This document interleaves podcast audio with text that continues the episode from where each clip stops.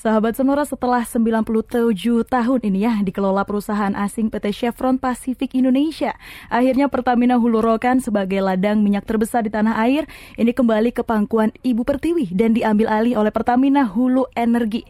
Dan ini sahabat Sonora merupakan kabar baik bagi industri migas nasional dan juga keberhasilan pemerintahan Joko Widodo.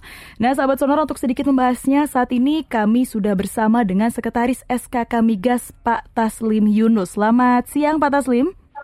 Selamat siang Mbak. Kabar baik Pak hari Selamat ini? siang semua pemirsa. Iya, kabar baik Pak hari ini? Alhamdulillah baik Mbak. Ini uh, kabar gembira juga ini ya karena uh, akhirnya kembali diambil alih oleh Pertamina Hulu Energi ini Pak ya. Kabar baik juga ya. ini.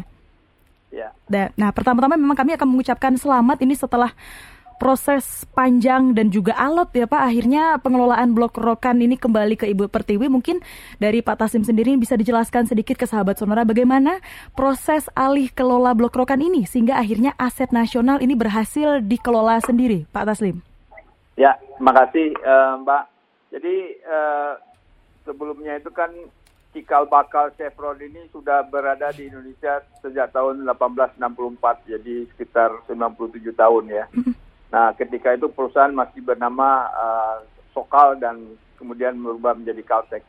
Nah, pada tahun 1941 mereka menemukan lapangan duri yang pertama yang sekarang itu minyaknya minyak berat ya. Dan kemudian 1944 menemukan lapangan minas dan baru bisa diproduksikan pada tahun 1951. Hmm. Nah, pada Selasa 13, 31 Juli 2018 waktu itu Wakil Menteri Energi dan SDM itu ada Pak Arcanda mengumumkan bahwa pemerintah menunjuk Pertamina untuk mengelola blok rokan.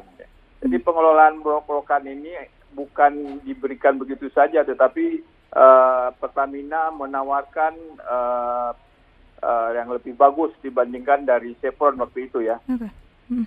Jadi kemudian pertimbangannya proposal yang diajukan Pertamina mengungguli proposal yang diajukan oleh Chevron uh, Pacific Indonesia dan itu sudah ditetapkan pada tanggal 31 Juli 2018 ya. Nah, se sejak itu kita menyiapkan proses pengalihannya dari uh, uh, P, apa CPI Chevron Pacific Indonesia ke Rokan. Beberapa tahun yang lalu sudah disiapkan waktunya gitu.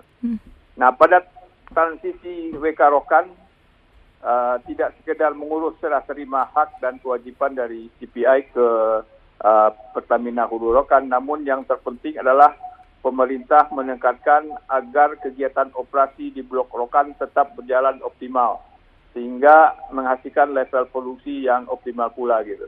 Hmm. Caranya adalah investasi yang digelontorkan di Blok Rokan harus juga tetap tinggi sebagaimana berlaku pada kegiatan operasi pada saat kondisi normal gitu. Nah, seperti kita ketahui, ketika masa kontrak akan berakhir, sangat lazim dilakukan K3S akan slow down pada kegiatan-kegiatan operasi yang hasilnya tidak bisa dinikmati setelah blok atau wilayah kerja itu berakhir. Hmm. Nah, Kementerian SDM telah menerbitkan peraturan Menteri SDM nomor 26 tahun 2017 tentang mekanisme pengembalian biaya investasi pada kegiatan hulu minyak dan gas bumi.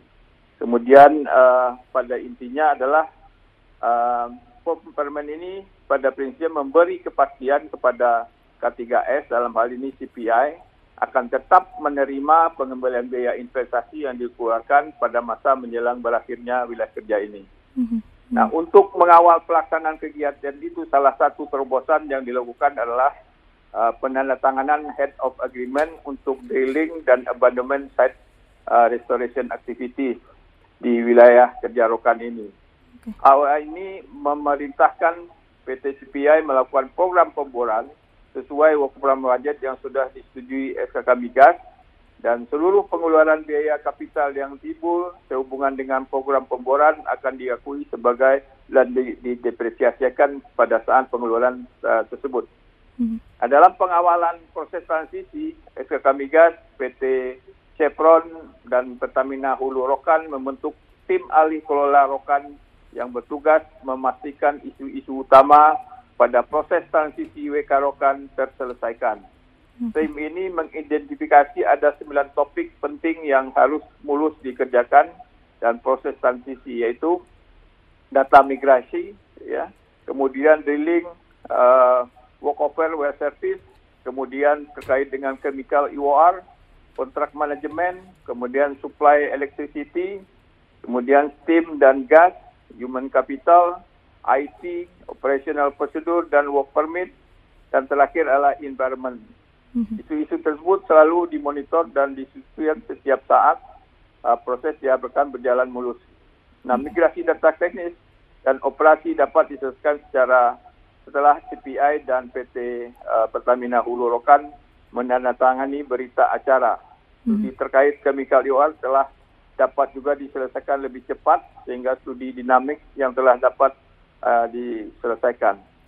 Kemudian manajemen kontrak-kontrak yang dibutuhkan untuk uh, mendukung kegiatan operasi telah diselesaikan antara lain dengan melakukan mirroring kontrak yang sebelumnya sehingga kebutuhan barang dan jasa yang dibutuhkan oleh uh, telah terkontrak itu. Hmm. Pengadaan listrik dan uap yang menjadi salah satu isu yang diperhatikan juga telah mendapat solusi terbaik setelah Pertamina bekerjasama dengan PLN untuk menyelesaikan kontrak, termasuk kontrak pengadaan gas yang digunakan untuk mendukung uh, operasional pembangkit. Gitu. Okay. Masalah ketenaga ketenaga kerjaan juga dapat dijelaskan uh, sebagian besar dari pekerja PT Chevron Pacific Indonesia ditransfer menjadi uh, pekerja Pertamina Hulu Rokan. Mm-hmm. Proses perizinan dan prosedur operasi juga sudah selesai ditransfer sehingga dapat digunakan oleh uh, Pertamina Hulu Rokan. Okay. Masalah lingkungan mm-hmm. juga sudah dapat diperoleh kesepakatan dan akan diselesaikan melalui mekanisme head of agreement. Hmm. Demikian Mbak yang bisa kami sampaikan uh, terkait dengan proses transisi ini. Hmm. Berarti ini uh, sekarang ini dalam tahap proses transisi ini Pak ya sudah ada timnya juga ini tim untuk kelola rokan ada sembilan topik yang memang akan diidentifikasi oleh tim tersebut dalam masa peralihan ini Pak Taslim benar ya? Ya, nah. sebelumnya juga sudah bekerja Mbak. -hmm. Ini sudah sudah menghasilkan uh, apa namanya hasil yang uh, bagus sih. Mm-hmm. Tapi selesai mm-hmm. sudah dapat diselesaikan. Ya. Oke, okay. selanjutnya ini uh, Pak Taslim, kapan proses kegiatan eksplorasi di Blok Rokan ini akan dikerjakan? Ada akan ada berapa sumur yang akan dioptimalkan selanjutnya? Oh, uh, mulai hari ini sebetulnya operator sudah diserahkan ke apa namanya ke Pertamina Hulu Rokan yang sudah diselesaikan di tahun uh, uh, sebelumnya ini adalah 106 dan kemudian ada beberapa puluhan sumur lagi yang akan dibor sampai akhir tahun uh, 2021 ini. Dan rencananya untuk tahun depan itu akan dibor sekitar 500 sumur. Oke, berarti uh, untuk akhir tahun ini ada 106 dan untuk tahun depan ada, ada 500 lagi, Pak ya? Yang tahun ini yang 106 sudah dibor. Sudah dibor? Tinggal berapa 50 apa 60 lagi tuh yang uh, bisa diselesaikan tahun ini. Ah, oke. Okay. Untuk target capaian pengeboran ini apakah untuk ada juga target untuk berapa barrelnya per hari, Pak Taslim? Ya, kita berharap sebetulnya uh, target yang diamanatkan ke wilayah kerja ini 165 ribu barrel ya. Hmm. Uh, tapi sampai sekarang itu realisasi baru 160. Ya. Jadi kita akan uh, kebut itu kekurangan dari 6.000 barel itu untuk bisa dicapai uh, dalam akhir tahun ini. Oh oke, okay. uh, Pak Taslim ini apa yang diharapkan dari Blok Rokan khususnya ini target SKK Migas kan mencapai 1 juta barel tahun 2000 uh, tahun 2030 ini berapa persen target yang dapat disumbangkan oleh Blok Rokan dari target nasionalnya Pak Taslim?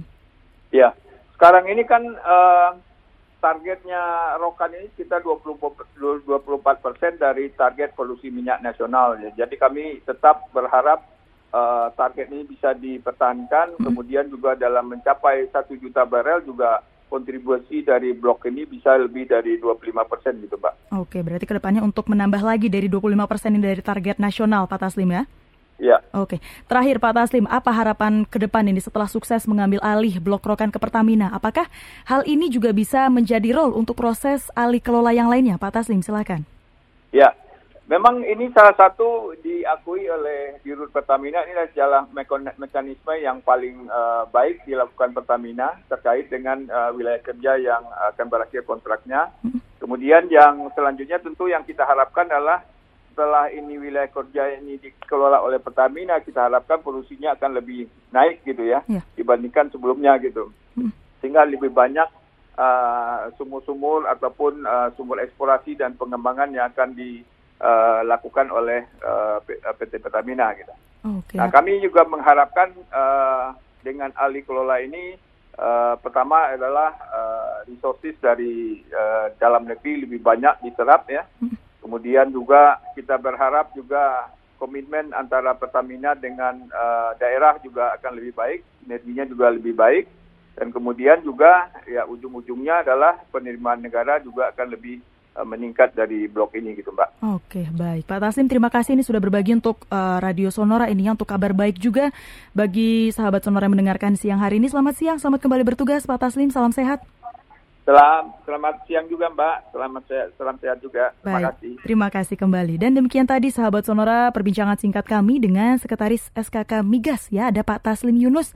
Ini terkait dengan uh, setelah 90 tahun ya dikelola oleh perusahaan asing PT Chevron Pacific Indonesia, akhirnya Pertamina Hulu Rokan ini sebagai ladang minyak terbesar di Indonesia diambil alih oleh Pertamina Hulu Energi. Dan tetap bersama kami sahabat Sonora untuk informasi lainnya di Sonora FM part of KG Radio Network.